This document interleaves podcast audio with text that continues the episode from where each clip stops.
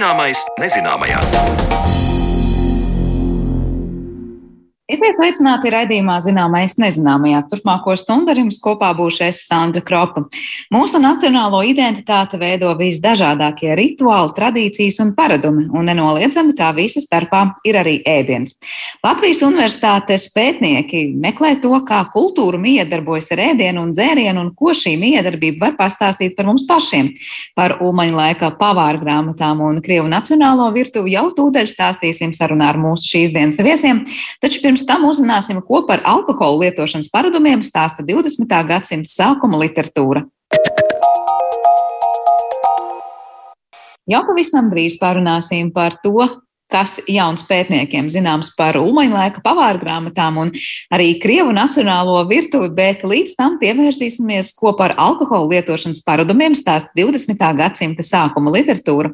Literatūra zinātnieks Artūrs Skutels pēta, kas pagājušā gadsimta 20. un 30. gados latviešu literatūrā tiek rakstīts par alkoholu, kādus dzērienus, kur un kā lietoja dažādu literāru darbu varoņi, to skaidroja mana kolēģe Zana Lāce. Iekšrīgas slepenais grodziņš pie jautrā kuratora.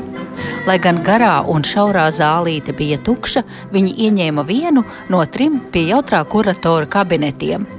Pudeli šņabja šefam, pudeli konjaka dāmām un spēcīgas vakariņas visam pamatām.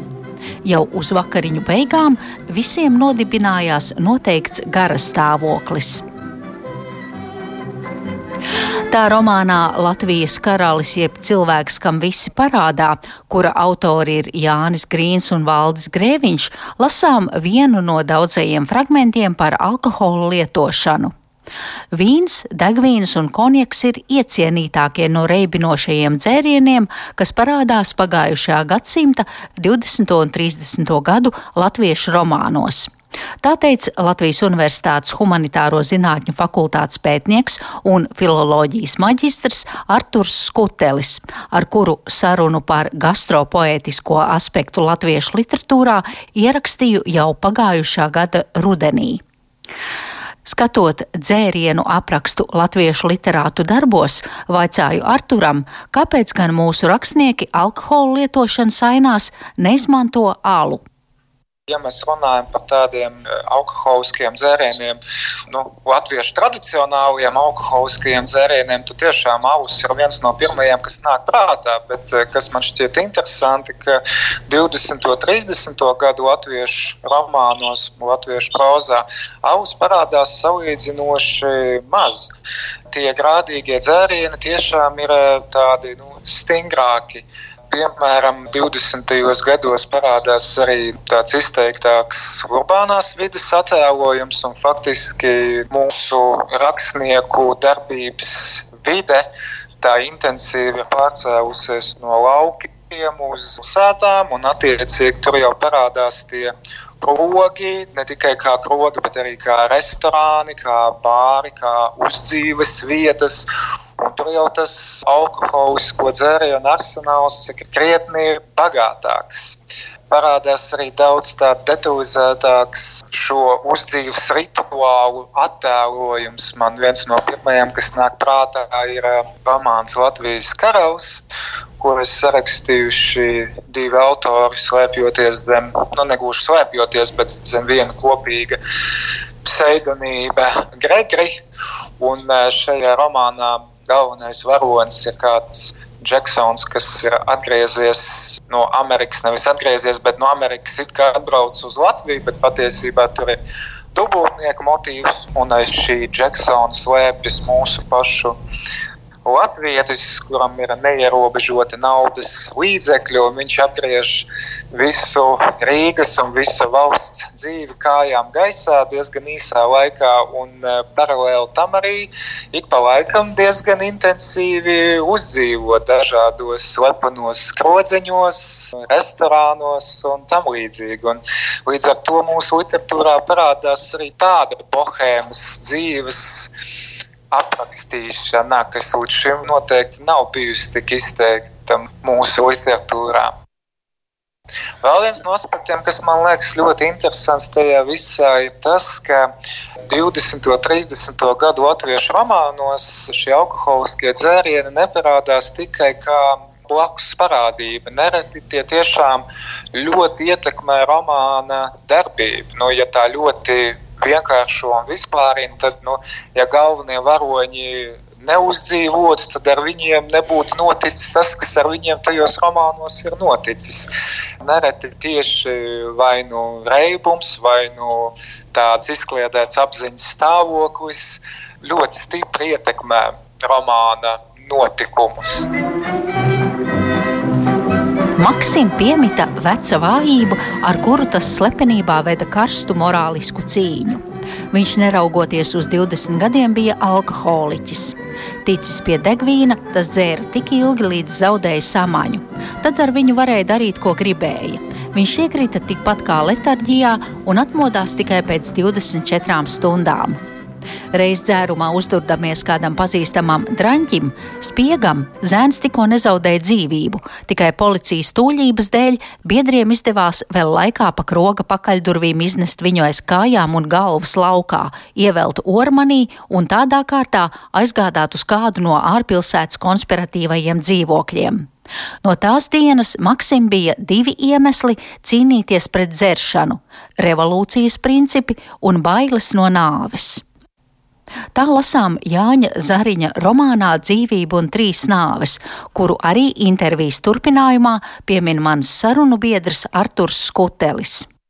Kas man liekas interesanti, šīs uzdzīves formas sasaistās arī ar īpašiem marķējumiem valodā. Proti, latviešu rakstnieki labākajos savos gadījumos, teiksim tā, ir eh, iezīmējuši arī sarunu valodā dažādas izteicienas, dažādus žargonu vārdus, kas cilvēkiem no malas nav saprotami uzreiz romānu ietveros, bet kas simbolizē par kādu iedzeršanas brīdi. Citiem vārdiem sakot, ka nu, ļoti līdzīga parādība, man liekas, mēs saskatām arī mūsdienās, kad nu, parādās kādi aizstājēji vārdi dažādiem tādiem nu, ar, ar alkoholisku apreibināšanos saistītu uh, izpausmju raksturošanai. Tas bija arī pirms simts gadiem, un ļoti iespējams, ka tā ir arī tāda parādība, kas ir pārlaicīga un dažādiem laikiem raksturīga. Piemēram, um, Kārļa Zariņa romānā Dzīvība un trīs nāves mēdz runāt par uh, baložu ķeršanu. Un ar šo baložu ķeršanu tiek saprasts tāda nu, pamatīga uzcība. Kad esam vēl jauni, tad laime visur durvis vēr. Tas neliekas nemaz tik ļauni, ja tu dzīvē visu svēr. Kā jau sākumā minēju, sarunu ar literatūras zinātnieku par alkohola aprakstiem latviešu romānos daļu ierakstīju pirms krietna laika, un tagad saistībā ar tēmatu par gastropoētisko projektu, par kuru būs plašāka saruna turpinājumā, atkal sazinājos ar Arturu Skuteli. Viņš stāsta, kādi ir minēto romānu žanri un kādos vēl pirms aptuveni simts gadiem rakstītos daļdarbos var lasīt alkohola un tā lietošanas aprakstus jau pieminētie darbi, proti, Gregri romāns Latvijas karalis, būtu romāns ar pikareskā romāna iezīmēm, pikareskā jeb blēža romāna iezīmēm.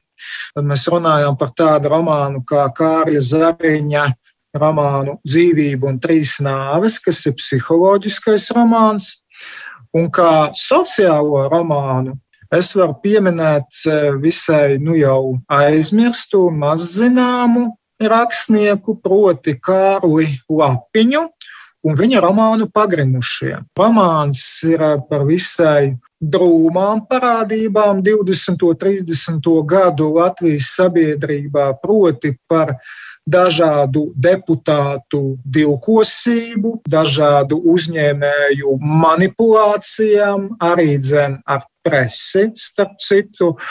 Un e, kāpēc es minu tieši šo darbu? Tāpēc, ka katrā no šīm afērām, šīs e, nejaukās, netikumiskās darbības, Tur visu laiku klātesoši ir dažādi alkoholiskie dzērieni, jo visi šie nejaukie, neglītie darījumi tiek noslēgti e, visai lielā alkohola reibumā. Neglītās puses parādīšanas aspekta, manuprāt, šis darbs ir visai interesants kaut vai kā sava laikmeta liecinieks vai sava laikmeta liecība un vētra piesit glāzi. Upenājs pumpīša kungs, upenājs, viņš sauc vērstams glāzīti pret spuldzes gaismu. Kas var būt labāks par upenāju tik skaistā rītā kā šis? Jā, un stipro moku virsū, tā ir mana marka, akceptē pumpītis, izdzerdams liķieri vienā paņēmienā, un pēc tam gaumīgi iesūgdams stipro kafiju. Viņiem top jautri jau pēc pirmā malka. Nav baltu vai melnu krāsu attiecībā uz alkoholu, teica Arturs Skutelis. Minētie autori nemoralizē un arī neslavina cilvēku attiecības ar zaļo pūķi. Biežāk tā ir skumja vai jautra ironija par cilvēku vājībām un vēlmi aizmirsties no skarbās dzīves realitātes, grimstot alkohola atvarā. Par alkohola aprakstiem latviešu literatūrā pirmajā brīvvalsts laikā stāstīja Latvijas Universitātes humanitāro zinātņu fakultātes pētnieks un filoloģijas maģistrs Arturs Skutelis, un ar viņu sazinājās mana kolēģe Zāne Lāce. Bet raidījuma turpinājumā mēs palūkosimies uz to, kā starpkaru periodā stāstīja un rakstīja par ēdienu latviešu pavārgrāmatās un literatūrā.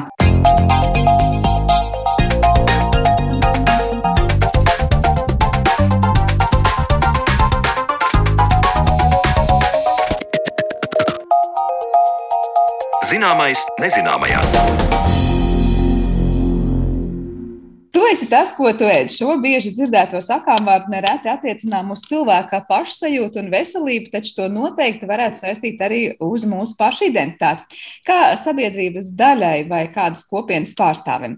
Latvijas universitātē šobrīd notiek darbs pie pētījumiem par to, kā nacionālā identitāte radusies virtuvēs. Par gastropoētiku šodien arī vairāk mēs runāsim ar manām viesņām. Latvijas Universitātes humanitāro zinātņu fakultātes vadošā pētniece Astra Spalvēna, kā arī Latvijas Universitātes humanitāro zinātņu fakultātes docente Svetlana Pogodina. Šodien mūsu viešņas mūsu attālinātajā studijā. Labdien jums abām! Labdien! Labdien.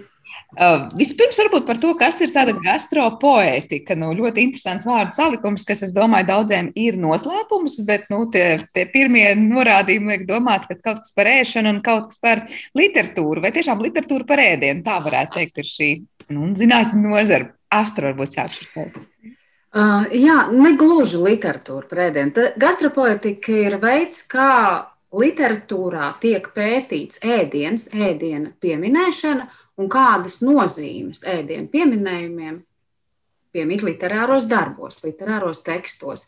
Un, protams, nevienmēr šeit runa ir paša, par pašu ēdienu, bet gan par to, kā ar ēdienu palīdzību autors izvēlās ilustrēt dažādus aspektus, tā ir skaitā identitātes aspektus, piemēram, sniedzot aprakstu par to, ka konkrēts cilvēks ēd, nezinu, desiņas ar skābiem kāpostiem, tad mums, kā lasītājiem, uzreiz rodas konkrēts priekšstats par šo cilvēku. Tā kā gastropoētika faktiski ir noteiktus ar ēdienu, ar gastronomiju saistītu aspektu pētīšana literāros tekstos, kas var būt visdažādākie.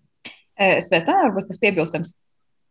Uh, jā, es pilnīgi piekrītu manai kolēģei Astrai, un es gribu vēl pateikt to, ka, kad mēs rakstam vai kad mēs runājam par ēdieniem, par dzērieniem, vispār par kādu nacionālu virtuvi, tas, tad mēs uh, nu, ne jau vienmēr, bet uh, parasti vienmēr, jā, mēs runājam par kaut ko vēl citu, jā, par kādu citu aspektu. Tas ir kaut kas cits, kaut kas vairāk, nevis tikai um, pieminējums kāda dzēriena vai, vai ēdiena. Un, ka, tā, kā, kā teica mana kolēģe no Torontas Universitātes profesore Anna Sternšis, when we speak about food, we speak about something more about than food. So uh, there is something more behind this uh, story. Uh, tā, tur ir kaut kas cits, un tas ir ļoti interesanti pētīt, tad, jo, jo šis uh, apraksts, dzērienu apraksts vai ēdienu apraksts, tas dod mums arī priekšstātu par uh, kontekstu, par kultūra kontekstu, par sociālo kontekstu. Tas, tas, uh, tas vienmēr ir ļoti interesanti, un, protams, mēs mēs varam tās pētīt ne jau tikai izmantot daļu literatūru vai literatūru, bet arī, arī publicistiku, periodiku, arī, arī folklora tekstus. Tas, tas, tas ir ļoti interesanti, tas dod mums ļoti tādu plašu priekšstātu par kontekstu, par kultūru, par mums pašiem un par mūsu identitāti, nacionālu identitāti un tā tālāk. Jā. Es tieši gribēju vaicāt tie teksti, vai tas būs tiešām tur proza vai, vai kas cits, vai tur varētu būt, piemēram, jebkura periodika vai tur, nezinu, avīžu raksts savulaik par to. Jautājums, kāds tas parasti ir konteksts? Nu, pieņemsim, protams, es nevaru iedomāties, ka avīzē būtu raksts un ziņa par to, ko kurš ir ēdis. Ja? Kas parasti ir tās stāsti aiz kuriem, nu, piemēram, ja par periodiku mēs runājam, par ko ir šie stāsti parasti vēl? Kuros tas var būt? Jā, jā, tas var būt recepti, kas ir publicēti avīžos vai žurnālos. Jā. Tas var būt stāsti vai, piemēram, felietoni, ja mēs ņemsim, piemēram, krievu valodīgu avīžu Segodņa, kas bija, kas bija ļoti populāra starpkara perioda, un tur mēs varam atrast dažādus felietonus vai tādus nu, īsus stāstos, kur ir pieminēts dažādas receptes vai, vai dzērieni, kas bija populāri tieši tajā, tieši tajā laikā. Un, protams, tas dod mums arī arī tādu priekšstātu. Tā kā, jā, tas, protams, tas ne, ne jau tad mēs runājam ne tikai par daļu literatūru, bet arī par šitiem tādiem, tādiem triviāliem tekstiem, teiksim tā. Jā, tas, tas varētu būt nu, diezgan slikti šai ziņā, bet tas, tas, tas nav tas galvenais aspekts, jā, jo mums vienkārši ir interesanti, ko, ko cilvēki ēda tajā laikā, tajā periodā. Bet es atceros, Astra, ka mums savulaik bija saruna par uh, pavāra grāmatām un dažādām receptēm. Tad tas uh, secinājums bija tāds, nu, tas nebūtu nenozīmē, ka tas, kas ir rakstīts pavāra grāmatās, ir tas, ko cilvēki ēda. Tas varbūt bija tur svētku reizēs vai kā īpaši. Vai tas, ko tikko uh, mēs dzirdējām par tām receptēm, piemēram, avīzēs vai žurnālos, ilustrē to, ko ēda, vai tas arī bija jau tāds nu, svētku vai īpašām reizēm pagatavojamais ēdiens? Es varbūt sākšu ar atsaucu uz pavāra grāmatām. Runājot par pavāra grāmatām, arī šajā projektā, kāpēc starp prózu, dzēju un periodiku ir arī pavāra grāmatas, tās ir tiešām šajā gadījumā vairāk kā literāri teksti, nevis vēsturiski dokumenti. Un tāpat mēs varam skatīties uz literāriem tekstiem un ēdienu pieminēšanu, protams, vairāk kā par vēlmēm, uh, par, par vērtībām, kā vispār runā par ēdienu, kādu ēdienu piemin, bet arī par iespējām, kas bija, ko varēja pagatavot. Uh, kādi produkti bija pieejami, kādas tehnoloģijas bija zināmas. Tā kā šeit jautājums ietver abas atbildes. Nu, tad, tad mēs varam runāt par to, kas reāli bija pieejams, bet nu, mēs nevaram teikt, ka jā, nu, tieši to arī gatavoja. Nu, periodikā atrodama recepte, nu, mums ļauj domāt, ka cilvēki būtu gribējuši, lai, lai citi to gatavo. Ja, to varēja pagatavot, bija visas iespējas to pagatavot. Uh, bet, protams, nu, tas nepasaka, ka tik un tik cilvēki to un to tajā dienā apēda. Mēs jau, nu, protams, par to nerunājam. Mēs runājam vairāk par to, ka atrodot šo recepti, mēs varam saprast, ka tā tad bija tāda vēlme, piemēram, nu, uzsvērt tautiskus ēdienus vai uzsvērt svežzemnieciskus ēdienus. Un, nu, tas, tas pats arī pavāra grāmatās, nu, ka, uh, ja vispār runā par nu, teiksim, periodika, literatūra, pavārgrāmatu šie teksti, ja runā par uzvedības maiņu, ja runā par to, nu, ka jums jādara tā, jums jāēd tā, vai šobrīd modē ir tāds vai cits ēdiens, nu, tas signalizē par pārmaiņām. Notiek kaut kas cits, kaut kas ir mainījies. Emigrācijas literatūrā ir absolūti mainījušies apstākļi. Tādēļ ēdiens izvirzās priekšplānā, Jo ir jāsaprot, kā šajos apstākļos saglabāt identitāti, ko iekapsulē ēdiens. Nacionālas virtuves gadījumā, izvēloties noteiktu ēdienu, runājot par noteiktu ēdienu, mēs sakām, šis ēdiens pārstāv mūsu nacionālo identitāti, mūsu identitāti. Un tādēļ tas tiek aktualizēts dažādos tekstos. Tas tajā imigrācijas literatūrā izteikti parādās, ka tiek aktualizēts tas nacionālās identitātes jautājums caur ēdienu.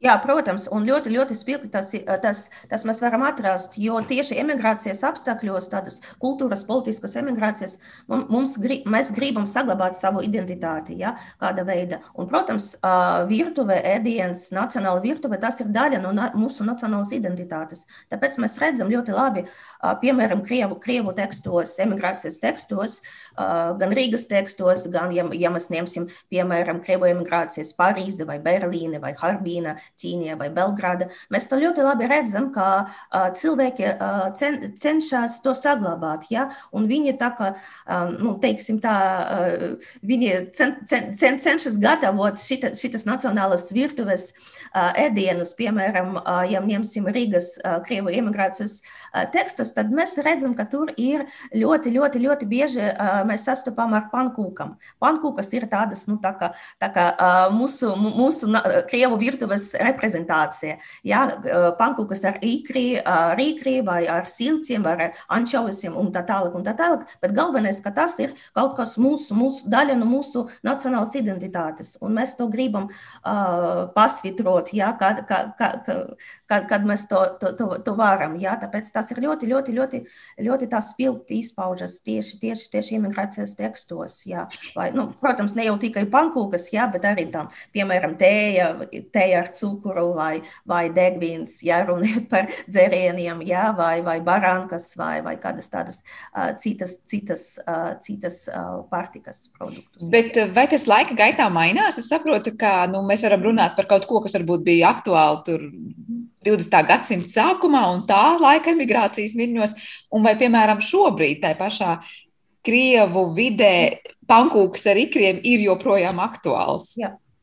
Jā, pankūks ir vienmēr aktuāls, man liekas. Jā, bet šobrīd, protams, ja mēs, nu, es nepētu uh, mūsdienu krievu virtuvi, jā, un es neesmu vesturniece, tā ka šeit es uh, piekrītu pilnīgi Astrai, ka mēs runājam par tādu priekšstātu, par kādu stereotipu, ne, ne jau par tādu virtuvi, kā tā, kā tā, kā tā bija, jā, protams. Bet, jā, protams, ja, ja runājat par mūsdienu situāciju, tad uh, krievu virtuve, tas, nu, tas ir ļoti plašs termins, es tā teiktu, jo, protams, uh, virtuve, krievu virtuve ļoti atšķirīga atšķirās. Jo, ja mēs ņemsim, piemēram, ziem, zi, Krievu ziemeļu virtuvē, tas ļoti atšķirās no dienvidiem, jo vienkārši klimats ir citāds. Mm. Jā, tāpēc, un, piemēram, pelmēni, kas ir nu, domāts, ka tas ir daļa no Krievu virtuves, protams, tas, tas nav tā no vēsturiskā skata punkta. Tāpēc šeit ir, vienmēr ir tāds jautājums, ko mēs tieši zinām par nacionālo virtuvi un ko mēs par to domām, un kā tas ir tiek reprezentēts uh, tekstos un, uh, teiksim, tā atmiņā cilvēka atmiņā. Tā kā šeit ir divi jautājumi, tādi globāli jautājumi. Pelmeņus laikam neviena nacionālā virtuve kaut kādā mērā kļūdas pēc sev arī pieskaita vismaz emocionāli. Man liekas, mēs nevaram teikt, ka tā ir tikai krievu virtuve, kas it kā domā, ka pelmeņi būtu viņa astarvei, kas piebilstams pie tā, kā mainās šīs te, nu, pieņemamās, nepieņemamās, vajadzīgās un nevajadzīgās lietas nacionālajās virtuvēs, ja mēs salīdzinām, nezinu, to pašu latviešu virtuvi tur pirms pāris desmit gadiem un tagad. Nu, jāteic, ka šobrīd uh, mēs redzam apkārt arī, ka notiek divi paralēli procesi. Virtuve, protams, kļūst globāli. Jebkura virtuve, gan latviešu, gan krievu, uh, gan amerikāņu. Mēs, mēs ļoti daudz, ļoti, ļoti daudz pārņemam, iegūstam no, no citām valstīm, no citām etniskām grupām. Jāteic gan, ka gastronomija pēc būtības ir multikulturāls fenomens, jo var, virtuve nevar izveidoties izolēti vienai nācijai, vienai tautai, vienai grupai piederīgi. Tur vienmēr ir, nezinu, imports, ir ceļošana, ir dažādi veidi, kā mēs pārņemam kaut ko jaunu.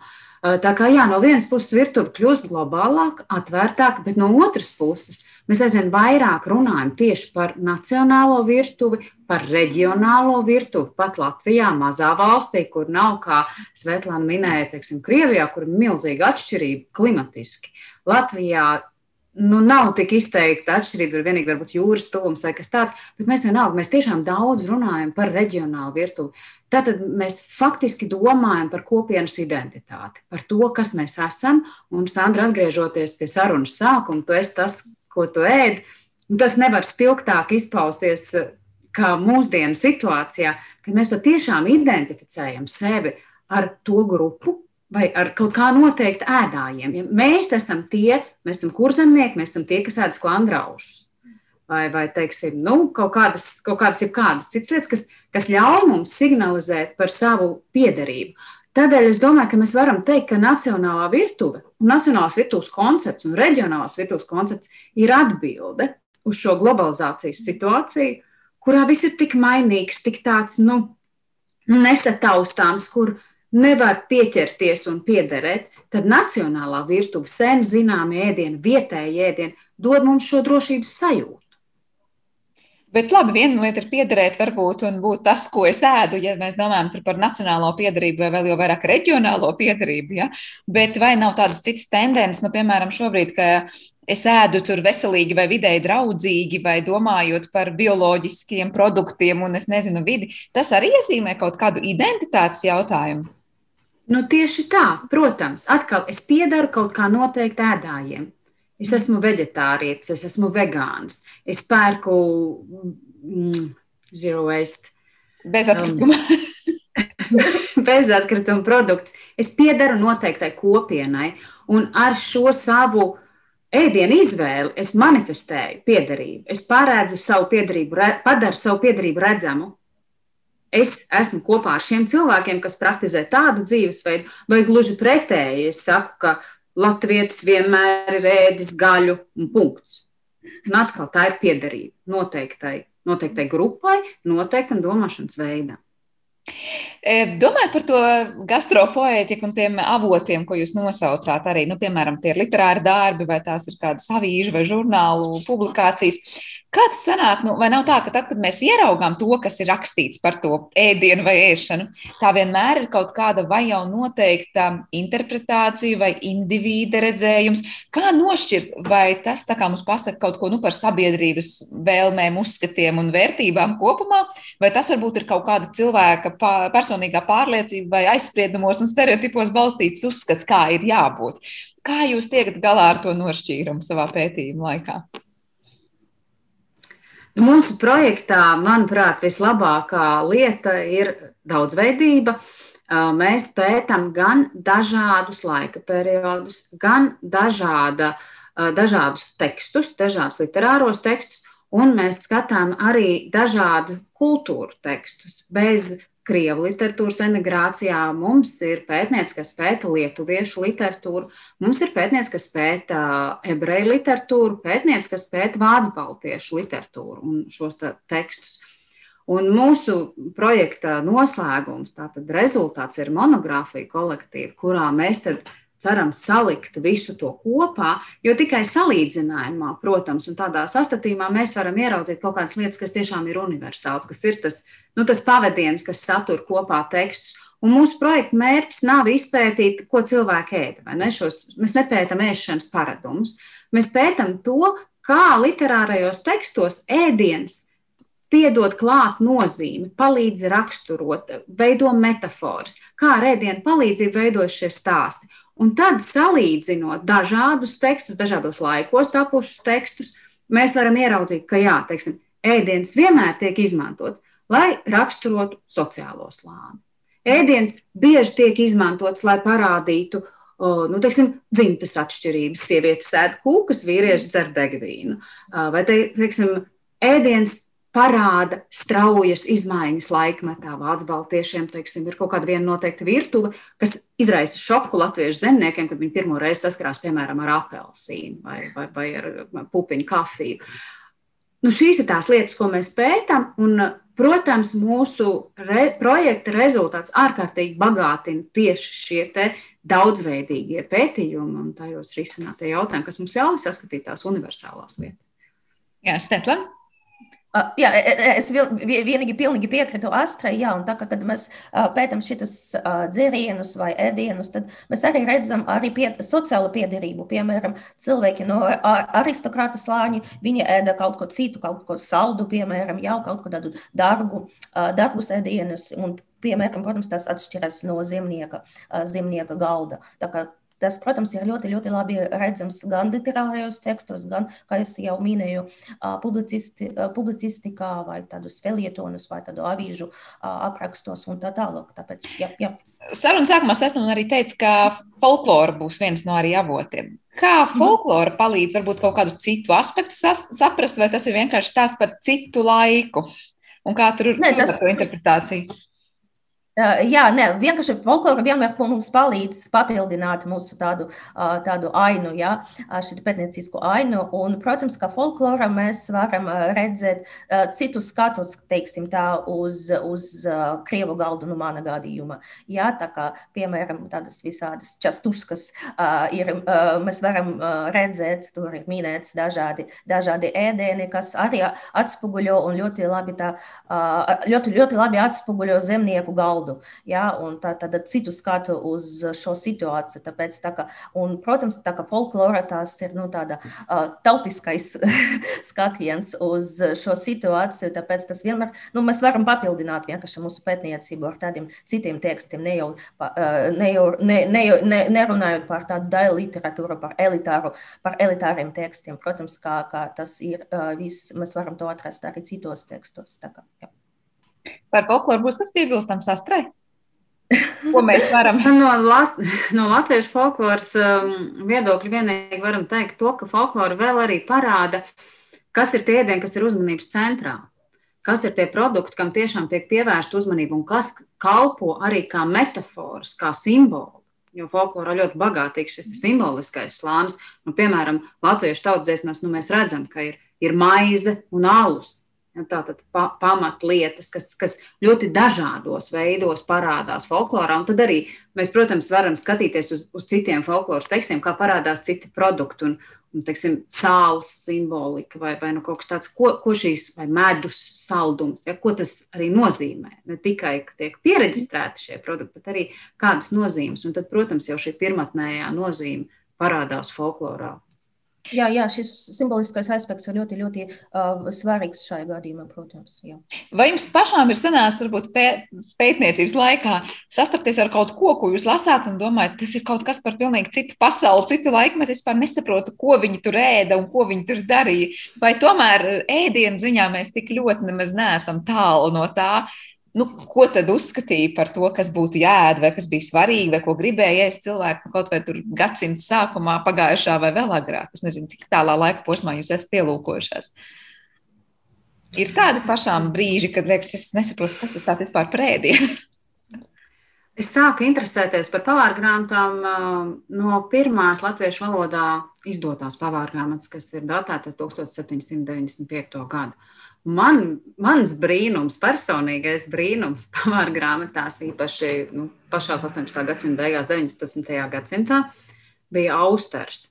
Un austers, kas tika lietotas sautējumos, zupās, visdīvainākajos veidos. Un, protams, man pirmo reizi ar to sastopoties bija jautājums, austers Latvijā, sautējumā, tiešām Un es sāku par to interesēties un nonācu pie divām nu, diezgan mm, skaidrojošām atbildēm.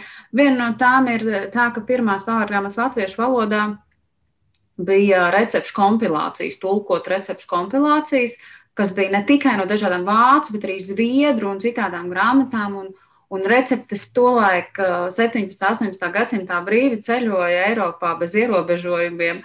Un bieži vien pavārgām tas bija arī nu, protams, tā kā tur tie autori nevienmēr bija zināmi, tad arī atbildību īsti neviens nenesa, pārtulkoja, bet tāds jautājums par to, vai tas tiešām būs pieejams, nu, tāds nebija aktualizēts. Tā kā tas viena atbild uz to austeres Latvijas teritorijā 19. gadsimtā ir tāda, nu, ka iespējams tas palicis no tulkojuma. Otra atbild par tām sautētajām austerēm arī man izdevās atrast, ka patiesībā austerē ēšana svaigā veidā nu, ir tāds salīdzinoši jauns fenomens. Un, un, un laikā, kad, eh, kad austeris bija tiešām nu, tāds ātrs.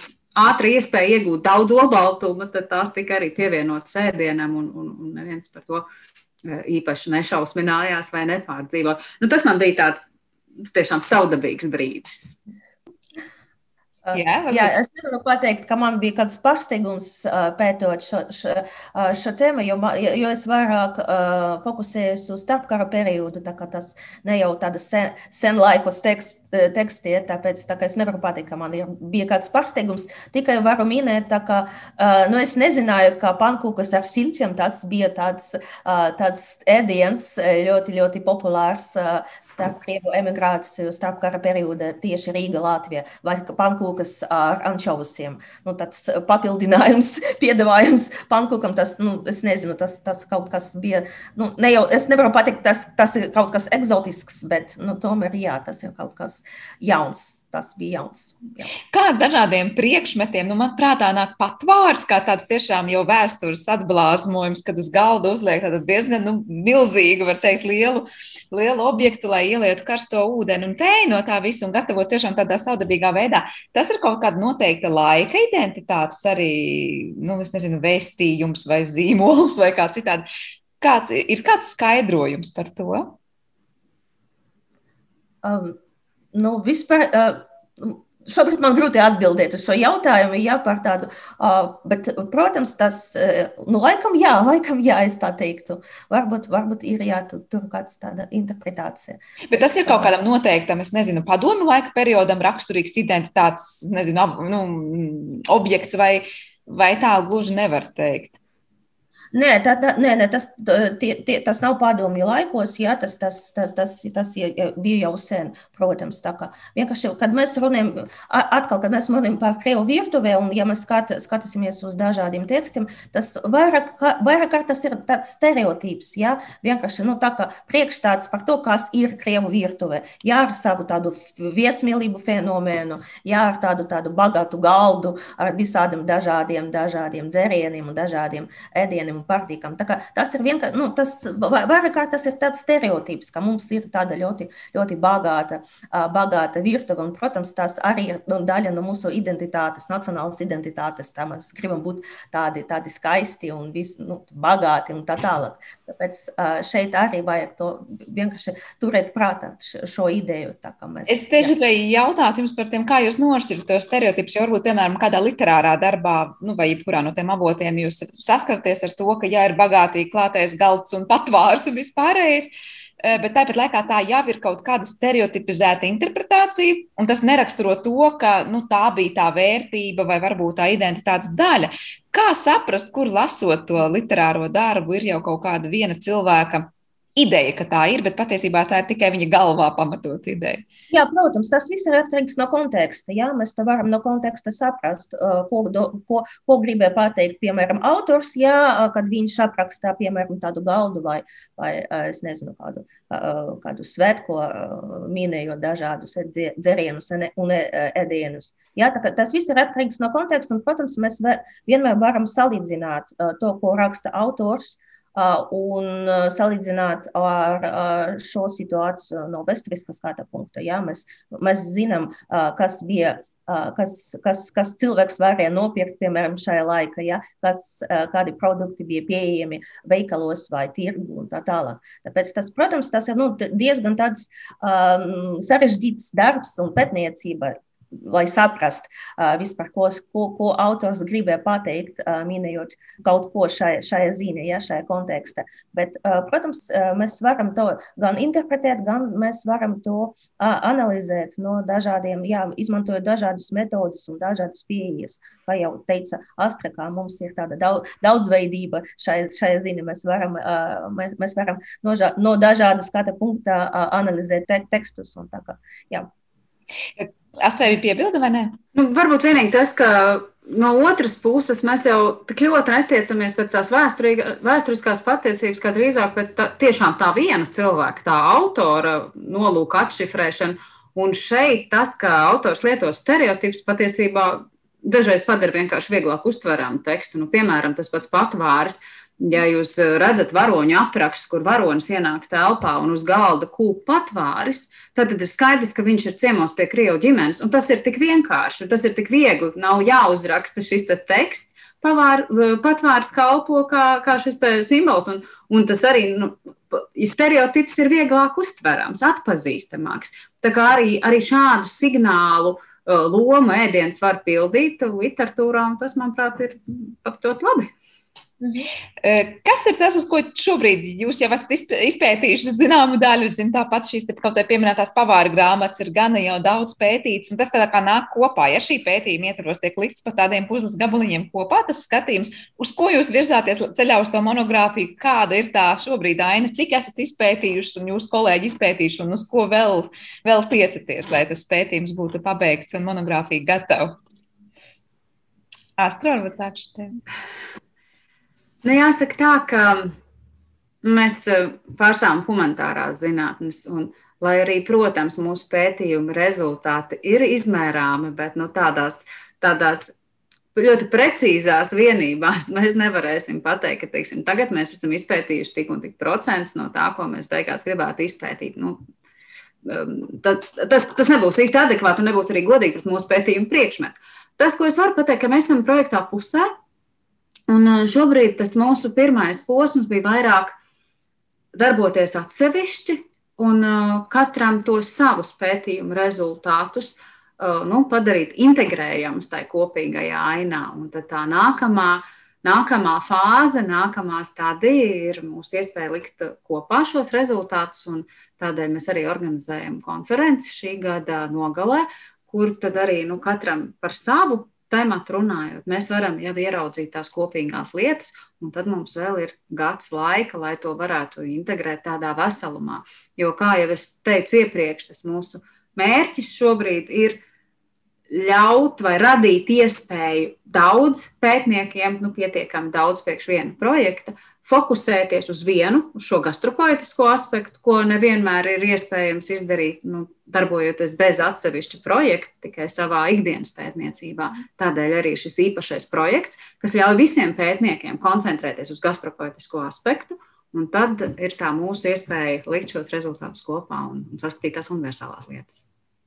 Svetlana, jā, varbūt kādi ir tie tālākie soļi un mērķi, uz ko virzīties? Nē, es pilnīgi piekrītu Astrid, ka tas ir mūžīgais process un tā pētniecība. Tā kā, nu, es nevaru pateikt, ka jā, tā, tas ir gals. Es, es visu, es, es jau es varu pateikt, ka, tā, ka, tā, ka mans darbs ir pabeigts. Protams, ka, ka tas tā nevar būt. Jā, un, bet ko es varu, ko es vēl gribētu pasvītrot to, ka uh, mūsu, mūsu pētniecība ir, ir interesanta gan uh, akadēmiskajiem cilvēkiem, jā, tā kā pētniekiem, ka tas ir ļoti interesanti arī par, teiksim, tā parastiem cilvēkiem, jā, pēdiņos. Uh, jo, protams, tā, šī tēma ir tāda nu, gan populāra, jā, gan ļoti tāda uh, pētnieciska, un tāpēc man, man liekas, tas ir ļoti svarīgi. To, ko mēs darām, to, ko mēs pētam, tas nav domāts tikai uh, tādai šaurai lokai, jā, tāda cilvēkiem, bet tas arī domāts arī tādai publicis, nu, tā, tādam publikai, jā, tādai plašai publikai un, un plašai auditorijai. Visi jā. ēdam un visiem ir interesanti par to, protams, painteresēties un saprast, nu, kā tā identitāte tur veidojas, bet noslēgšu jums ar jautājumu, vai jūs pašas sev esat atradušas atbildi uz jautājumu, nu, kāpēc tieši ēdiens ir tas, kas par mums tik ļoti stāsta, jo no vienas puses, nu, varētu teikt, kāpēc tas nav vienkārši nepieciešamība, jo Nu, ēdiens ir mūsu pamata vajadzība, ja mēs nepēdam, protams, mēs, mēs nevaram funkcionēt, un tomēr kāpēc tas ir mums tik ļoti saistīts ar visu mūsu identitāti, piederību, domāšanu, tas nepaliek tikai ēdiens. Kas Jautājums jau ietver atbildi. Ēdiens eh, liecina par mūsu identitāti tādēļ, ka ēdiens ir mūsu sastāvdaļa, ēdiens mūs veido. Mēs bez ēdiena nevaram, tā ir pamatlieta. Pirmkārt, un otrkārt, ēdien, ēdiens ir izvēle. Mēs Jā. vienmēr varam izvēlēties starp divām dažādām lietām. Mm. Ēdiens vai, vai uzturs ir uh, tā tra, teiksim, virtuve. Mēs runājam par nacionālu virtuvi, vienalga kādu virtuvi. Tā ir transformācija no dabā sastopajām uzturvielām uz cilvēku uzturu. Tātad mēs kaut ko vienmēr izdarām ar šiem produktiem. Mēs nomazgājam augļus, nomizojam, sagriežam, mēs nerunāšu par dzīvniekiem, bet mēs vienmēr kaut ko izdarām ar to, kas ir dabā atrodams jau no pirmsākumiem. Un tas, ko mēs izdarām, tas arī ir tas signāls par, par mūsu ēdienu kultūru. Nevis dabā sastopamām uzturvielām, bet par mūsu ēdienu kultūru. Jā, tas ir manifestācija, teiksim tā. tā kā. Un tā kā droši vien vēl mēs iedomājamies, Astrid tikko teica, nu, kā mēs sagriežam kaut vai tos pašus augļus. Es domāju, vesela identitātes daļa ir par to, kā pareizi sagriezt tur sieru tādu vai šādu un vēl tā tālāk. Un tas visos laikos ir atšķirīgi, tas, Jā. tas mainās. Tas, kāds ēdiens ir skaists, kāds ēdiens ir veselīgs, kāds ēdiens ir vērtīgs, kāds ēdiens raksturīgs turīgiem vai mazāk pārtikušiem cilvēkiem, tas vienmēr ir mainīgi. Nu, vēl nesen mēs par uh, hamburgeriem domājam kā par ātrās ēdināšanas nu, tādu uh, nu, zemes kvalitātes produktu. Tagad hamburgerus mēs sastopam restorānos. Un aizvien vairāk domājam par to, kā, no kāda lielopa gaļas tie ir pagatavoti, vai tie varbūt ir vegāni burgeri. Nu, tad, tad, tad kurš pat visvienkāršākais ēdiens mums stāsta tik bagātīgus stāstus? Nu, tas vienkārši nevar palikt tikai ēdiens, tikai tāda ikdienišķa, eksistenciāli nepieciešama. Jā, ēdiens patiešām mums stāsta bagātīgus stāstus, un par laimi mums ir tādi cilvēki kā jūs, kas pēta tos stāstus un mēģina tos atšifrēt un mums visiem arī pastāstīt. Lielas, liels paldies jums par šo sarunu. Es atgādināšu, ka mēs šajā raidījuma pusstundā mēģinājām izzināt, kas īsti ir gastropoētika, un to mums palīdzēja saprast Latvijas Universitātes humanitāro zinātņu fakultātes vadošā pētniece Astra Spalvēna un šīs pašas fakultātes docente Svetlana Pogodina. Ar to arī raidījums ir izskanējis, un par to parūpējās producenta Paula Gulbinska. Ar jums kopā bija Sandra Kropa un par mūziku šai stundai gādāja Girds Bišs. Mēs tiekamies atkal rīt. Visu labu!